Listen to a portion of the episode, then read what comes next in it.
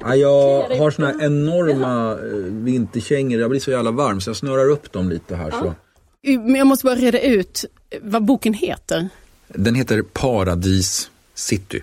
Men det, det, är många som tror att den heter Paradise City eftersom det finns en, känd, eh, en sån känd eh, titel också.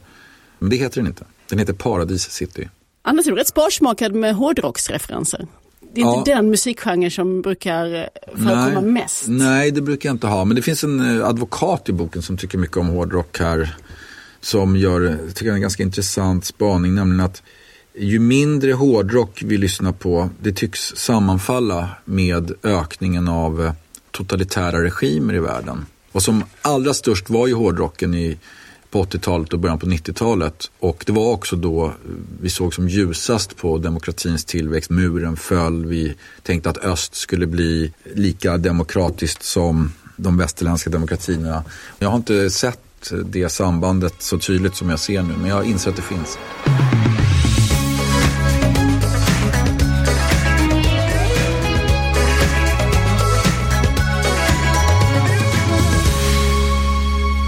Jag heter Lisa Tallroth och det här är Pocketpodden avsnitt 88. Jens Lapidus dröm är att skriva den där stora svenska romanen som gestaltar tillståndet i vårt land. Och kanske är det precis vad den här nya romanen gör. Den heter Paradis City och tyvärr befinner vi oss då mycket långt ifrån paradiset. Men Jens Lapidus, han är här och nu börjar vi.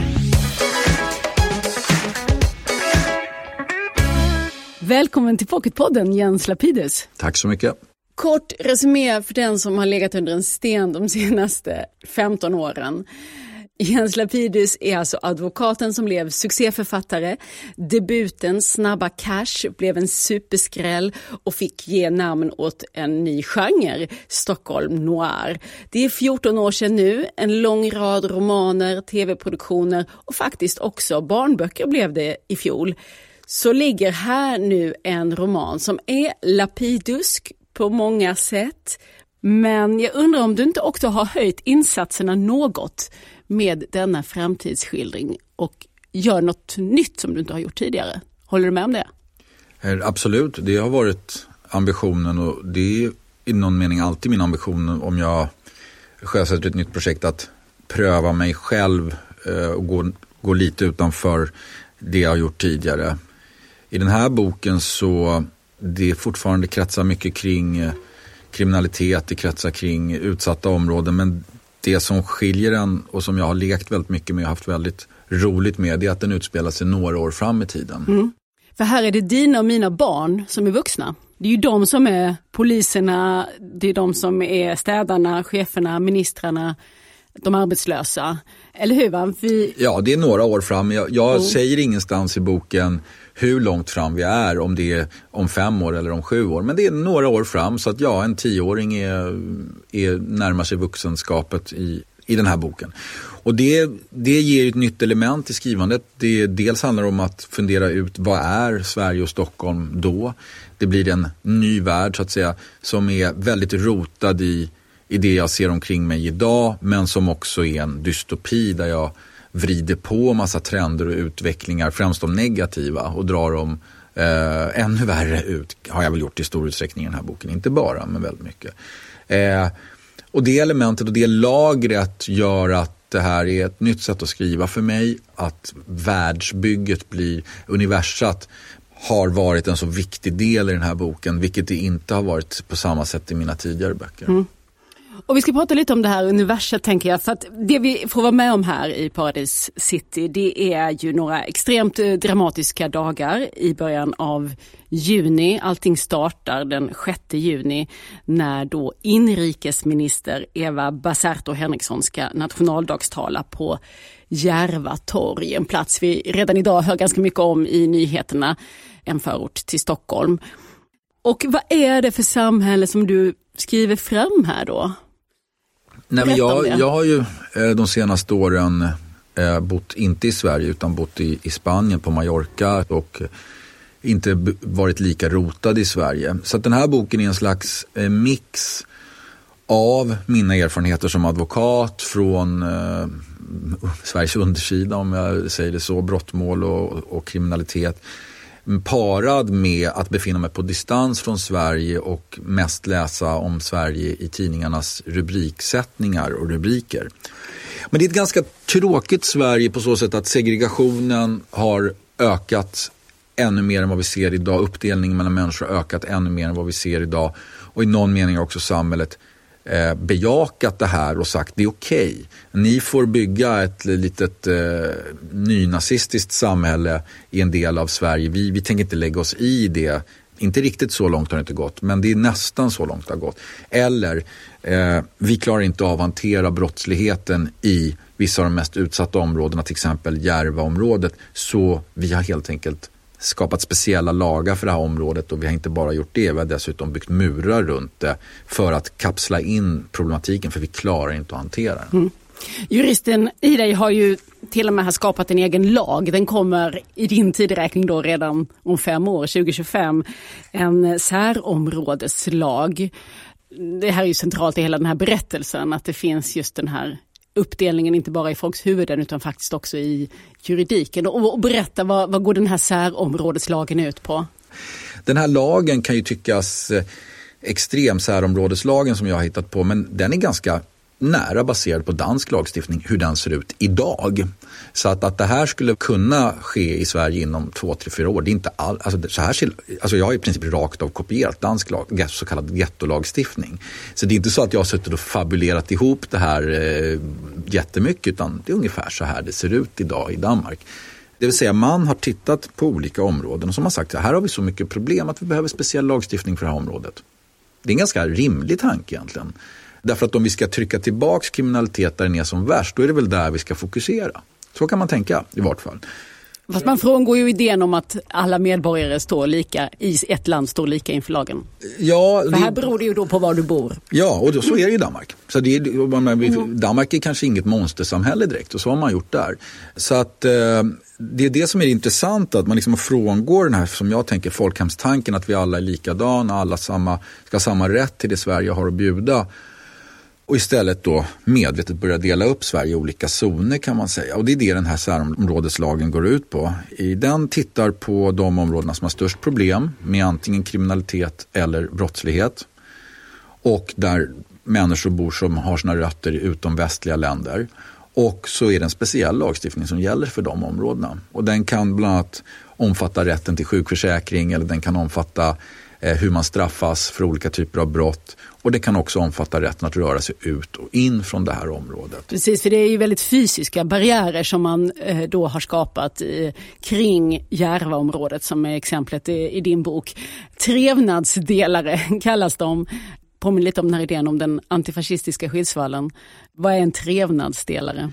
En trevnadsdelare är lagstiftarens ord och uttryck för en mur egentligen. Eh, så det, det som har hänt i den här boken det är att problemen har svällt så mycket i de här utsatta områdena och kriminaliteten och sprängningar och skjutningar har läckt ut i resten av samhället att man har sagt att äh, vi måste ha den här speciella lagstiftningen. Den ska hålla folk på plats så att de inte, brottsligheten läcker ut i resten av samhället. Om inte det räcker så har vi byggt en fysisk barriär eh, så att folk inte kan röra sig ut och in. Och den kallar vi trevnadsdelar. Den är till för att skapa trevnad för resten av samhället. Jag är också intresserad av hur ord är också ett maktinstrument och hur vi benämner saker visar dels vad vi själva står ideologiskt och det visar också eh, på hur vi försöker styra folks tankar. Finns det här ordet eller är det, Nej, är det din alltså, uppfinning? Alltså, det, det, har jag hittat på Aha. och jag har försökt att säga, skapa formella officiella ord. Intrångsgång, det är ett annat ord för tunnel och så vidare. Och så vidare. Och det är ju så här lagstiftaren funkar. Att man man säger ju liksom inte kidnappning i lagboken, det heter människorov. Det finns alltid ett formellt juridiskt ord för någonting som vi på vanlig svenska kanske kallar för något annat. Som också är lite mer kliniskt. Ett annat jätteviktigt eh, begrepp som du skapar för den här historien, det är ju eh, förkortningen SGI, särskild gängrelaterad individ. Inte sjukpenninggrundande inkomst nej, som, nej, som vi har lärt oss att SGI betyder, alla småbarnsföräldrar vet, ja. lär sig det där om SGI. Men i det här framtida samhället Paradise City beskriver så är det en särskild gängrelaterad individ och en sån är också huvudperson i mm. boken mm. Emir.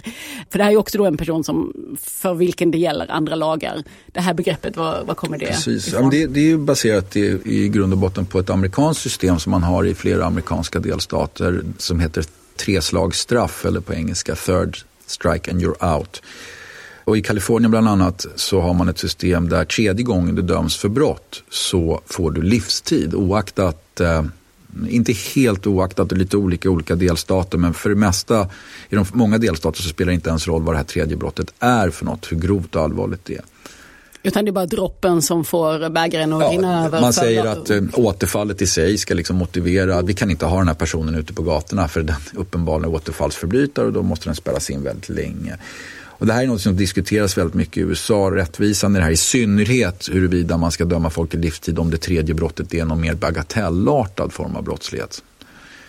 Och då har jag tagit det här konceptet och fört över det till svenska förhållanden med samma motivering som som jag var inne på tidigare med speciallagstiftning för vissa områden, nämligen att man kan motivera den här typen av lagstiftning med att återfallsförbrytare måste vi hålla borta. De bevisar då flera gånger att de inte klarar att vara laglydiga och då måste de bort från samhället och då sätter vi in dem.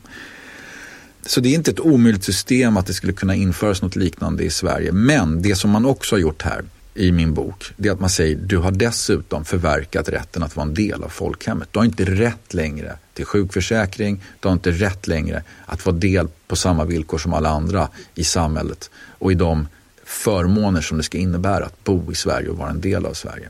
Så inte bara säger man vi ska spärra in dig, utan när vi har klassat dig som sån här individ så säger vi också att du har inte rätt att vara en del av folkhemmet längre. Nej. Och man får inte fysiskt lämna eh, det här området, det här särområdet, utan man ska vara kvar där innanför, innanför trevnadsdelarna, innanför de här murarna. Eh, så att det här är liksom världen som du målar upp, men sen måste vi berätta också att det finns ju ett actiondrama här jag skapar det här eh, adjektivet lapiduskt eh, actiondrama. Svårt att säga västkustskt.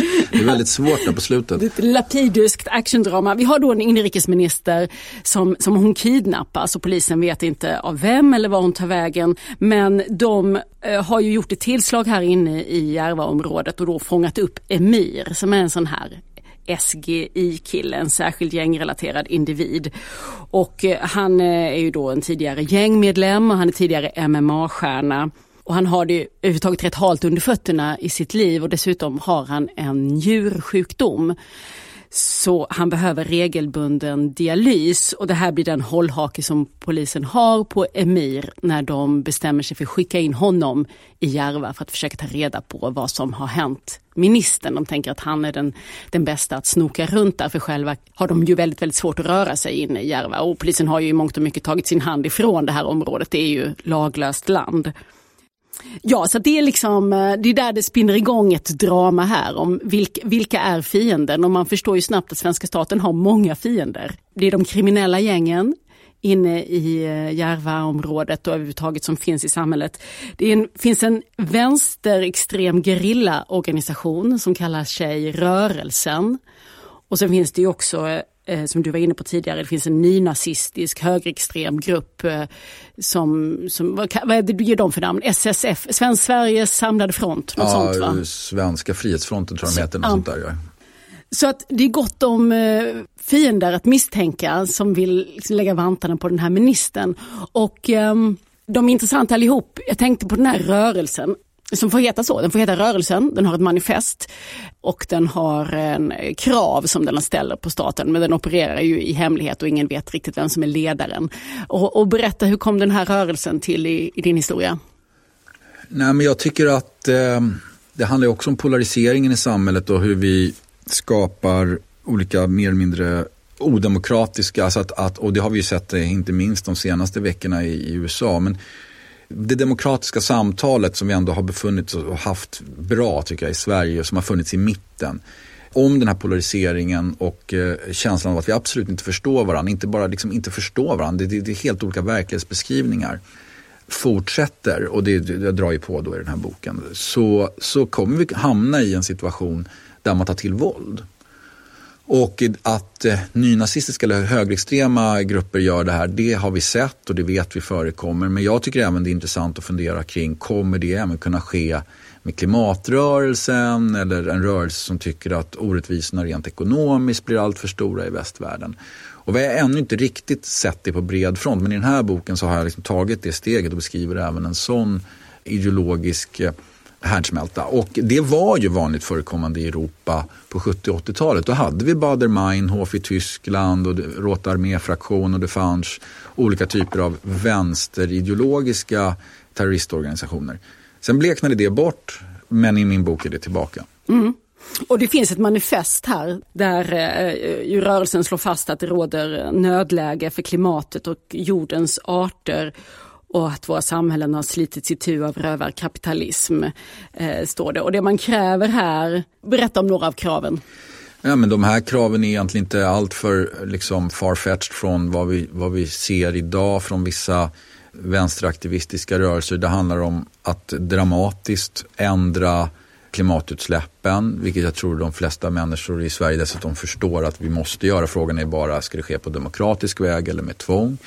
Och Eh, det handlar om olika typer av ekonomiska funktioner, att ta tillbaka privatiseringar. Vi har ju sett privatiseringen har gått väldigt långt i Sverige de senaste två decennierna med friskolor, eh, med vård och omsorg på olika sätt. Jag tror ganska många idag börjar se att eh, det fanns kanske en god tanke, men var det så lyckat med de här friskolorna till exempel? Och den här rörelsen tar det ett steg till då, så det här måste förbjudas, det här måste ta tillbakas, det här måste återhandla under statlig kontroll. Man vill förbjuda bemanningsföretag också. Det, eh, bemanningsföretag eh, anses Aha. vara satan mer eller mindre i, i, i den här rörelsen. Ja. Och förbjuda klimatförnekelse. Inför fängelsestraff för den som förnekar vetenskapligt belagda slutsatser. Mm. Det står på kravlistan för den här rörelsen.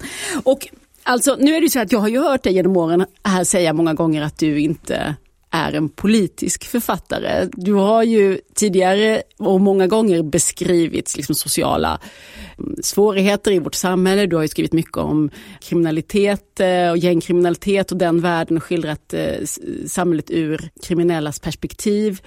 Och liksom genom allt detta har du ändå stått fast vid att inte, jag är inte en politisk författare. Ska vi ta upp den här frågan igen nu? Hur mm. ligger det till nu 2021? Nej, men det är med den här boken? Väljer, väljer, som jag har gjort här, väljer jag att skriva en bok som eh, utspelar sig några fram i tiden så måste jag också ta ansvar för det Sverige jag beskriver. I, I, tidigare böcker så har det kanske handlat mer om att jag tittar mig omkring i min egenskap av advokat och det jag ser och sen lyfter jag upp och fiktionaliserar det som jag de facto har sett omkring mig.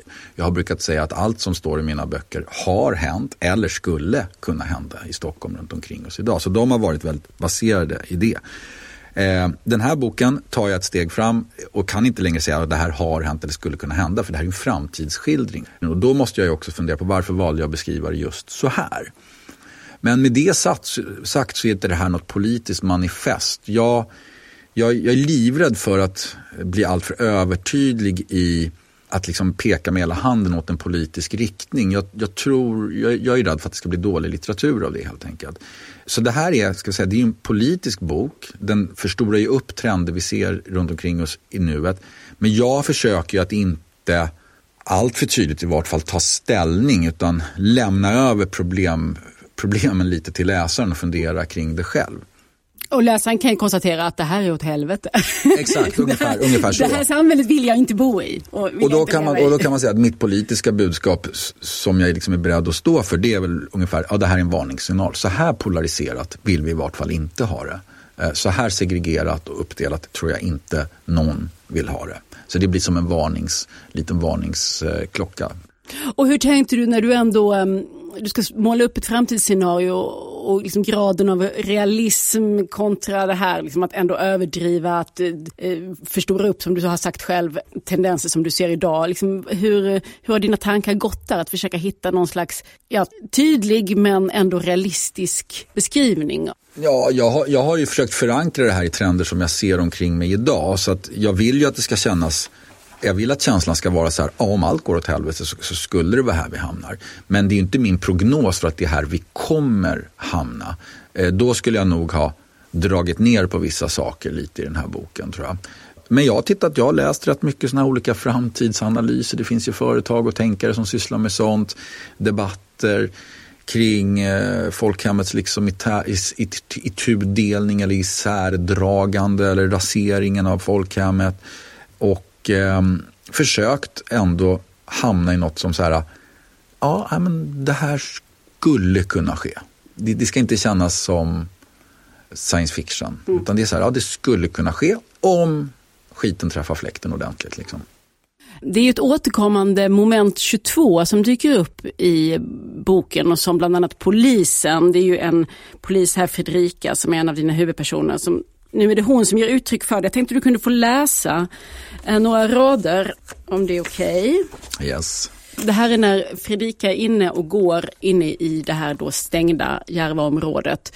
hon har med sig några personer. De kommer och möter ett eh, sånt här gäng helt enkelt. Ett gäng killar på gatan. Och det blir en, en konfrontation där. Eh, Fredrika kände väl igen den här typen av unga män. Hon hade stött på dem när de var 12 och förnedringsrånade jämnåriga på tunnelbanan. När de var 14 och stod i hörnen av lägenhetslängorna och sålde gräs. När de var 16 och vaktade när någon skulle avrättas. När de var 17 och själva höll i vapnet. Det var sådana som den här unge mannen som skapat förutsättningarna för muren som delat Sverige. Ja, det är det där sista jag tänker är det här eh, moment 22. Att nu är det så aggressivt och så våldsamt och så laglöst beteende så att polisen, staten känner att de har inget val mer än att stänga ner. Mm. Tänker du också på det som ett sånt här moment 22 eller är det liksom en falsk idé? Det, det finns en utväg någonstans. Mm. Nej, jag, jag, tror att det inte är lätt att säga vad utvägen är om vi nu ska försöka... Lite snabbt lösa det. Precis, exakt. Vi ska prata om verkliga problem som finns i, i Sverige idag. Eh, och den här muren, eller trevnadsdelen som man kallar det, som man har då byggt, det är ju mitt exempel på en ganska dålig idé för att lösa det. Så att ännu mer särskilja människor. Att att, att ännu mer dra isär människors möjligheter att mötas eller ännu mer segregera och skapa e uttryckligen inte bara så här strukturell diskriminering utan så här rent faktiskt skapa lagar som är, diskriminerar vissa människor och, och eh, privilegierar andra. Så att jag menar, jag, jag, min bok, det här är ett ganska tydligt exempel på varför boken utgör någon form av varning skulle jag säga. Jag tror att om man ska komma till rätta med den här grövre formen av kriminalitet och utanförskap så det krävs otroligt många olika insatser på olika nivåer. Det tror de flesta är eniga om att det behövs fler poliser. Det behövs mer verktyg för poliser, kanske mer möjligheter till tvångsmedel eller kronvittnen, högre straffskalor. Man kanske måste se över ungdomsreduktion och det finns massor med straffrättsliga parametrar som jag tror man kan vrida på för att trycka tillbaka den här grova kriminaliteten, höja straffen för vapenbrott, narkotika. Man ska inte heller underskatta att HD ändrade ju narkotikapraxisen för ungefär tio år sedan ganska radikalt i Sverige. Jag har själv skrivit debattartiklar om det där då när det hände. Och det var ju för att nyansera bilden av narkotikabrott. Och det var ju egentligen av godo, det vill säga det man sa från HDs sida var att vi ska inte bara titta på mängden utan vi ska också titta på var i den kriminella hierarkin gärningsmannen har befunnit sig och andra omständigheter.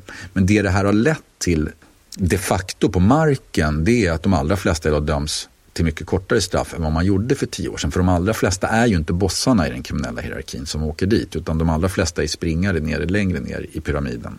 Och det här tror jag också har lett till en explosion av narkotikahandeln och eh, den kriminella handeln med narkotika i Stockholm och Sverige därför att straffen är mycket lägre egentligen idag än vad de var för tio år sedan. Det här har man till exempel, men, men okej okay, nu, nu kommer jag in på ett litet sidospår juridik. Men vad jag vill komma till är att, så du har ju den sidan som är liksom lagstiftning, strafflagstiftning, polisiära åtgärder, fler poliser, poliserna ska kunna ta till mer tvångsmedel på vissa punkter. Det är en sak. Sen tror jag man måste fundera kring naturligtvis bostadspolitiken, skolpolitiken, hur ska vi göra med skolorna som inte fungerar, vård och omsorg. Man måste fundera kring invandringen, den har, inte, den har kanske varit för snabb och för kort tid de senaste åren för att en integration ska kunna fungera. Man måste fundera alltså det är så många mm. frågor eh, som jag tror eh, det här, eh, det, det, är komplext och det är därför det blir en polarisering. Ingen orkar, eller många orkar, men det finns också många som inte orkar se den totala komplexiteten av det här och då är det lättare kanske att hemfalla åt en svart eller vit verklighetsbeskrivning. Ja, i grund och botten tänker jag det som hela tiden flyter upp i, i beskrivningen av människorna som lever inne i Järvaområdet, det är ju en eh, det är total brist på förtroende. Alltså det finns inget förtroende för den svenska staten och vice versa. Det är ju enbart misstänksamhet i den här relationen mellan människorna innanför området och utanför området. Och hur har de hamnat där tror du? Det kräver ju två personer att dansa och det är en, det är en process där man inte orkar återigen ta tag i komplexiteten. Jag säger inte att jag sitter på några svar, men om, om vi bara ska köra hårda, den hårda metoden, ja då kommer det leda till en motreaktion där människor bara känner, men sluta, ni, ni ger er på oskyldiga. Jag ska bara köra den mjuka metoden. Då kommer det leda till en situation där människor säger, men hallå ni sätter ju inte dit de som springer runt här och skjuter, ni, ni gör ju inget åt det. Så det kräver hela tiden både och. Och det kräver hela tiden djupa samhällsomfattande eh, åtgärder och det kräver detaljerade konkreta polisiära eller straffrättsliga åtgärder. Och eh, jag tror att fortsätter man och jag tror i och för sig många politiker idag i Sverige ser detta och försöker göra så gott de kan. Men, men det, det skapar en känsla av dåligt förtroende för varandra. Mm. Ja, um, jag har hört dig berätta om din dröm. Alltså, intressant. Vad var det för dröm då? Ja, jag, jag fick känslan av att det var i ett, ett, ett litet läge när garden var nere som du avslöjade att din stora dröm är att skriva The Great Swedish ja. Novel. Ja, det är en dröm som jag har, absolut.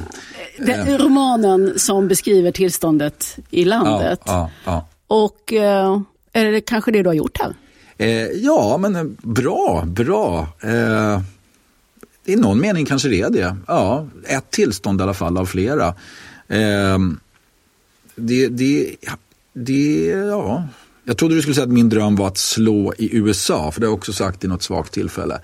Eh, men det har jag ju inte lyckats med än. Men ja, här, den här boken beskriver ett tillstånd i Sverige. Det gör den. Beskriver den ett tillstånd i Sverige eller är det tillståndet? För det är klart, du rör dig i, man kan, man kan ju sitta någon annanstans i, i Sverige och tänka att det här handlar om Järvaområdet och sen är det visst några tokjävlar som har startat någon slags nazistisk koloni. Mm. Men eh, alla vi andra, Nej. vi, vi, vi har, den beskriver tillståndet i bestämd form. Ja. Varför, vad finns det utanför? Jag menar, om ett land kan ha det den här en... typen av områden, den här typen av lagstiftning. Hur tänker du att det spiller över på kanske på Södermalm där dina barn kommer bo? Ja, nej, men det finns något annat citat som liksom an, anspelar... Förstår du vad jag fiskar efter? Ja, nej, men det, det, det, det, finns något annat citat här i boken som jag inte är säker på att jag kommer hitta men som jag tycker kanske anspelar på det du säger. Nej, jag vet inte om jag hittar det. Men det handlar egentligen om att det är alla ute på flankerna som skriker väldigt högt. Men vad hände med den liberala medelklassen? Det vill säga den gruppen samhällsskiktet människor som jag skulle gissa på att de allra flesta i grund och botten, i alla fall idag, fortfarande tillhör. Eh, vad hände med alla dem? Varför skriker inte de högre över de här olika extrema yttringarna som vi ser i form av radikala politiska rörelser som är beredda att ta till våld eller den här kriminaliteten som sprider sig. Var är alla vanliga människor som kanske bor i de här områdena eller som inte bor i de här områdena men som liksom inte är kriminella och inte är högernazister och inte är vänsterfascister. Liksom var är alla de? För det är ju ändå den stora majoriteten. Och möjligtvis är det så att den gruppen i min bok har den gruppen krympt och finns nästan inte kvar. Utan man har tvingats på grund av polarisering att liksom nästan liera sig eller tillhöra eller identifiera sig med en eller annan ganska radikal extrem grupp. Eller mm. inriktning eller sätt att tänka. Men det är egentligen den gruppen som är räddningen skulle jag säga. Hur då? Ja, därför att det är den gruppen som fortfarande sitter på rimliga värderingar och ett rimligt sätt att se på samhällsbygget, att alla ska kunna vara med i det här samhällsbygget och eh, som vill ha lugn och ro, som inte vill ha våld. Men då, må, men då måste ju också den här gruppen, du och jag, fatta att det som händer i Järva eller det som händer där uppe i, i Tallnäs har en effekt på, på oss och våra barn också. Det är, inte, det är inte bara isolerade företeelser. Och hur ska man förstå den kopplingen innan det är för sent? Nej, men precis. Och jag tror att i USA är det blivit ganska tydligt liksom, att ja, här har vi liksom uh, olika rörelser som drar åt mer eller mindre extrema håll, men det rör inte mig. Men för några veckor sedan tror jag väldigt många människor vaknade upp och tänkte, tänkte oj, jo, det rör mig. Det rör mig. Om inte jag skriker högt mot det här nu, då rör det även mig. Hela demokratin, hela den amerikanska demokratin. Du tänker liksom på stormningen av kongressen? Ja, och stormningen av kongressen var ju i min tankevärld egentligen bara liksom uttrycket för någonting som har pågått i många, många år. Det var ju naturligtvis en förfärlig händelse men det var bara en händelse som någonstans symboliserar någonting mycket, mycket större. Och som visar på något mycket, mycket större, nämligen polariseringen och itudragningen också av det amerikanska samhället.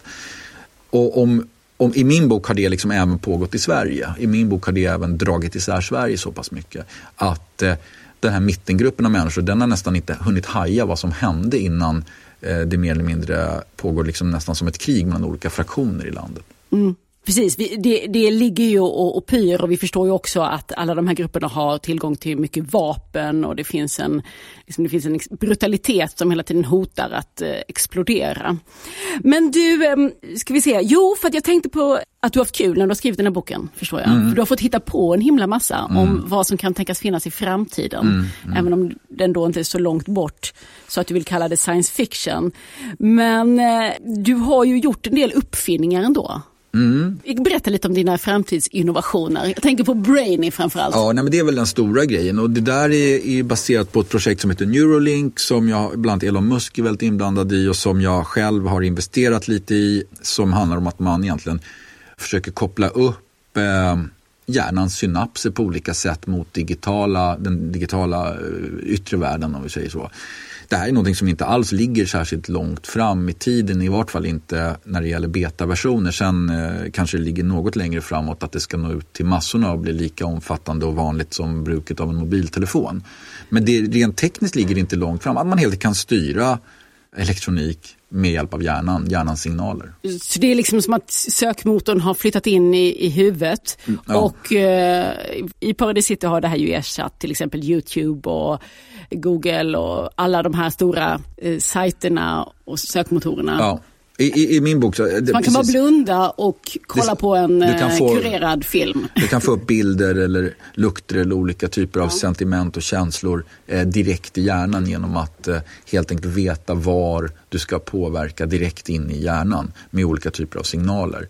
Eh, och det, det, kan ge, och det kan ge en mycket mer omfattande upplevelse än att bara se en bild och höra ljud. Så kan det även påverka hur du ska känna just när du ser den här reklamfilmen eller den här varan som någon försöker prångla ut till dig. Eller hur du ska känna lukta eller hur du ska, eller hur du ska må när du ser eh, material som sänds in direkt i din hjärna med andra ord. Och, eh, och återigen, det här kanske låter väldigt så här, oj, det här var... Men eh, rent tekniskt, så, så vitt jag förstår, så pågår det ganska mycket forskning kring det här redan nu och det, det ligger inte så himla det är inte så himla tekniskt avancerat. Jag har använt det väldigt mycket som ett verktyg i boken för att visa också hur förgängligt allt det vi uppfattar som, som modernt och så stort just nu faktiskt är. Då, jag tänker att det vi uppfattar idag som helt oangripligt som de stora influencerstjärnorna på Instagram ja, om några år kanske de är väldigt bedagade och på väg neråt och något annat har tagit över. Mm. Och det är dels tekniska framgångar men det är också trender i, Alltså du, du sa att du hade investerat i Brainy. Jag kan säga att det så... Inte i Brainy, men i liknande teknologi. Ja, det, ja, jag förstår. Det finns inte än detta. Det här är ett namn du har hittat på. Men eh, när du beskriver det i boken så är det ju, blir man inte jättesugen. Det framstår ju som någonting som i mångt och mycket ja. har förgiftat människors hjärnor och, och eh, såklart eh, kan inte människor reglera sig utan de liksom fastnar i det här och, och det får en massa olika konsekvenser som, som du nämner också. Det är lite min känsla redan idag. Så varför är du sugen på att slå in på den här vägen? Eh, ja, jag tror att eh, om du frågar kring mina privata investeringar så handlar det om, att, ja, så handlar det om att, att i det här fallet kan det också vara väldigt bra för att lära sig hantera till exempel ADHD eller ADD eller andra eh, neuropsykiatriska diagnoser som man kan träna med och bli, bli mer eh, balanserad av att använda också den här typen av teknik. Eftersom det är saker som bottnar i hjärnan och hur hjärnan fungerar så finns det mycket forskning som talar för att det går att träna, inte kanske bort helt, men att träna sig till en bättre tillvaro. Så det finns också enorma fördelar för människor med den här typen av teknik. Mm. Som med allt annat, som med internet eller som med sociala medier så finns det en enormt positiv, bra sida. Men om vi inte hanterar och kontrollerar det rätt så finns det också en, en väldigt stark negativ kraft i det. Mm. Men, men återigen, jag har varit väldigt noga med att det här är liksom ingen, det ska inte vara några flygande bilar och science fiction, utan det är ganska light. Och vädret faktiskt. Och, och vädret. Det är en konkret grej. Som... Vädret har blivit varmt ena ja. minuten och annorlunda andra minuten. Precis. Tropiska nätter från eh, maj till oktober. Ja. Låter inte så illa. Nej, det är någon presenterade sådär. Men anledningen skönt. är ju ja. då att eh, vi inte alls har lyckats med våra klimatansträngningar. Mm. När dina, vi pratar om dina böcker så är ju alltid språket också kul och centralt och intressant. Ditt sätt att skriva, ditt sätt att uppfinna nya ord och ditt sätt att plocka upp ord som man kanske aldrig tidigare har sett i skrift. Tidigare har du liksom då lite mer lagt örat mot rälsen och skildrat någonting som finns. Nu ska du försöka titta in i framtiden och skapa ord och begrepp som kanske inte finns riktigt. Hur har du tänkt kring det där? Lite som med de här framtidsattributen att i någon version, jag har skrivit om den här boken så många gånger ska jag säga också. Det är intressant att eh, jag har slutat jobba som advokat som fyra år tillbaka och bara ägnat mig åt att skriva men aldrig har det tagit mig så lång tid att skriva en bok som den här. I, konstigt men så har det varit. Och eh, jag har skrivit den i så många olika versioner och skrivit om och, och redigerat och fixat. Eh, så i vissa versioner har det varit ännu mer sådana slang och framtids, nästan som Clockwork Orange, liksom, nästan så att jag har nästan skapat ett eget språk, slangspråk för framtiden. Men eh, jag har dragit tillbaka det ganska mycket, så det slangspråket som syns i boken nu är ganska återigen förankrat i, i gatuslang runt om i Stockholm eller Sverige idag. Sen kan det vara något enstaka ord här eller där som jag liksom har tweakat eller kanske uppfunnit ett nytt ord. Men i grund och botten är det ganska mycket så som det förekommer redan idag. Men jag tycker det är kul med slang. Jag har ju genom åren exponerat för oerhört mycket av den typen av språk. Framförallt eh, genom eh, polisens hemliga avlyssningar som ofta utgör en stor del av bevisningen i, i större brottmål i, i, i, Sverige. Man kan tillbringa dagar i rättssalen med att bara sitta och lyssna på uppspelning av när folk snackar med varandra över telefon. Så jag har använt det ganska mycket. Men jag har också tonat ner språket lite i vissa delar i den här boken. Om, om vi tar de kapitlen som handlar om Fredrika till exempel så är ju språket Polisen. Ja, egentligen ganska ska säga, enkel prosa, ganska raka, enkla, lite kortare meningar. Ja, inte särskilt mycket slang överhuvudtaget och inte särskilt mycket kolon och inte särskilt mycket den här rappheten som jag annars använder. Så jag har försökt lite röra språket bort från men i de kapitel som har att göra med Emir, den här killen som beger sig in i området för att rädda den här ministern, där är det fortfarande ganska gatumässigt. Säger så. Mm. För det var ju, eh, ja, din debut Snabba Cash den ligger ju nu då 14 år bak i tiden eh, och det gavs ut en, en jubileumsutgåva då när den hade tioårsjubileumsutgåva och då gick du själv tillbaka i texten och, och, kunde konstatera att det var väldigt, alltså det var många begrepp och uttryck som, som inte används längre. Så att på så sätt så finns det liksom också någon slags färskvara i dina texter, att de speglar en precis samtid.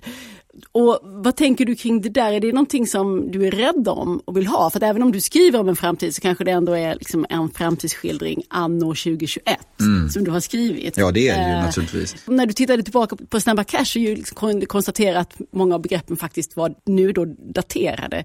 Är det någonting som, som har fått dig att tänka att du borde liksom Ja, det där är alltid så här, när, när skapar man en klassiker och när skapar man något som blir daterat? Och jag tror att eh, man kan tro så här att en klassiker ska behandla de stora frågorna, de eviga frågorna, eviga porträtt av män, karaktärer, människor. Ett språk som är evigt och förhåller sig evigt. Men jag, jag tror eh, vad gäller för min del på motsatsen. Jag tror att ju mer lokalt jag kan gå, ju mer eh, här och nu jag kan få en känsla i boken, desto mer jag kan eh, zooma in på en viss typ av karaktär och deras dilemman och deras värld och deras problem, desto mer skapar jag en klassiker. Eh, det vill säga man kommer kunna gå tillbaka till exempel till Snabba Cash. Man kan redan gå tillbaka för det ligger redan ett gäng år tillbaka till tiden. Och jag tror att man kommer eh, känna när man läser den boken att ja, det är vissa ord här som inte finns längre, det är vissa företeelser som inte finns. Eh, jag noterade att du hade själv kommenterat begreppet kreddig. Ja. Det var någonting som du då tio år senare kände att det här eh, ordet är liksom passé nu. Ja, vad säger man idag? Ja, tänker du? Jag vet inte ens vad, vad skulle ekvivalensen av kreddig vara?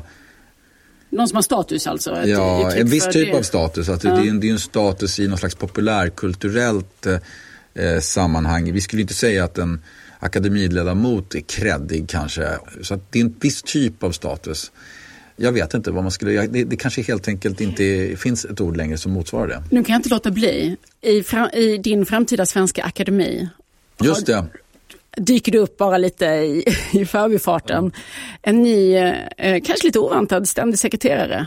Oj, ja. vad du måste ha funderat mycket innan du bestämde dig vem du skulle ge den, ja, det jobbet. Nej, men det, det nämns nog att det är Alex Schulman som har tagit över den rollen. Mm. Eh, nej, men jag tänker att Alex, som jag inte känner men som jag läser, rör sig mer och mer mot eh, en väldigt stark författarskap och en väldigt, väldigt stark författare. Jag tycker hans senaste bok, Överlevarna, är närma sig eh, akademiklass och därför tänker jag mig att fortsätter han på den banan så kanske det är där han hamnar, mm. vem vet. Eh, nej men, men, kanske det går att vara kreddig ja, som akademiledamot. Det är möjligt att det ordet återkommer om inte annat. Mm. Eh, nej men jag, jag, tänker liksom att eh, om jag läser som jag ser stora böcker av gamla ryska författare så kommer det de beskriver väldigt mycket en spegling av just deras samtid, inte minst språket. Och därför är jag inte så rädd för det. Jag var lite rädd för det ett tag. Åh, jag måste hitta ett språk som är evigt. Men jag tror på tvärtom. Jag har hittat ett språk som är väldigt mycket här och nu. Och det blir evigt. Mm. Har du tänkt fortsätta skriva om Paradise City i fler delar så det blir som en serie? Eh, jag är helt utmattad just nu. Jag, det har tagit mig, som jag eh, tror jag nämnde, många år att skriva den här boken. Jag har liksom tryckt in allt jag har och gick i tryck för bara några veckor sedan. Så jag, jag har inte börjat på ny kula, jag har inte börjat fundera på de sakerna än. Vi är så pass, Okänslig fråga. Vi är så tidigt än. Mm. Jag gillar den här världen, så jag håller inte för omöjligt, men det är inget jag håller på att skriva på just nu. Nej. Får ju också nämna att Snabba Cash kommer förfölja dig hela mm. livet. Nu är den aktuell i vår igen på mm. Netflix. Vad är det som händer då? Det är en, en, en tv-serie som heter Snabba Cash som är, en, ska vi säga, en reboot eh, av eh, de gamla böckerna och gamla filmerna. Den är huvudmanusförfattare heter Oskar Söderlund och eh, han och jag tillsammans med regissören har utarbetat ett nytt, en ny berättelse där den nya JV, om, om, om man säger på det sättet, är en, en ung eh, tjej från förorten som försöker ta sig fram i Stockholms startup-värld, tech-värld. Hon heter Leia och hon har liksom ena foten eller hon hamnar med ena foten i kriminalitet och andra foten i det fina, snabbrörliga tech-Stockholm. Så det här är en helt ny story låter det som? Det är en helt ny story, det är inga karaktärer, samma karaktärer från filmen eller böckerna utan en helt ny story men samma tematik, samma känsla, samma universa. Det vi kallar lapiduskt. Ja, det är det där svåruttalade ordet. Är det något mer som händer i vår som vi ska Vad händer med? Ja, jag har skrivit en, det nämnde du lite, jag har skrivit en barnbok till med min fru den här gången som också heter Dillstaligan. Jag kom ut med två böcker för snart ett år sedan och där, nu kommer den tredje boken som heter Poolkuppen. Och den handlar om ett gäng barntjuvar som har en tjuvliga ihop. Så det är också lite vrida på perspektivet. Men det är väldigt beskedligt och snällt. Och den, den... Varför är det det? Nej, jag vill säga med det är att eh, när, när jag skriver för barn, när vi skriver för barn så tycker jag också att det finns ett eh, moraliskt perspektiv. Jag vill ju inte på något sätt lära ut att eh, man får tjuva hur som helst. Och därför tjuvar de, men de har sina skäl för att göra det. Och, vilket förhoppningsvis kan leda till en diskussion också om det är rätt eller fel och i vilka lägen man får göra det. Mm. Kanske svårare till och med att skriva för barn. Just de delarna tycker jag är svårare. Just att, att förhålla mig till någon slags ansvar, vilket jag inte förhåller mig till när jag skriver för vuxna. Då skriver jag bara. Och det har du gjort nu. Paradise City är den alldeles nya romanen som kommer ut här i eh, slutet av februari. Tusen tack Jens Lapidus för att du kom hit. Tack så mycket. Nästa vecka blir det bokcirkel här i Pocketpodden. Det är jag och författarna Marie Bengts och Helene Holmström som tillsammans läser Min mörka Vanessa. Den är skriven av Kate Elizabeth Russell. Det här är en allt annat än svartvit berättelse om relationen mellan man, kvinna, offer, förövare och lärare, elev. Min mörka Vanessa heter den alltså och häng gärna med och läs den här du också för nästa vecka är det den vi pratar om här i Pocketpodden. Tills dess, följ oss gärna i sociala medier. Där heter vi Älska Pocket och jag heter Lisa Tallroth. Hej då! Du har lyssnat på Pocketpodden. En podd från Bonnierförlagen.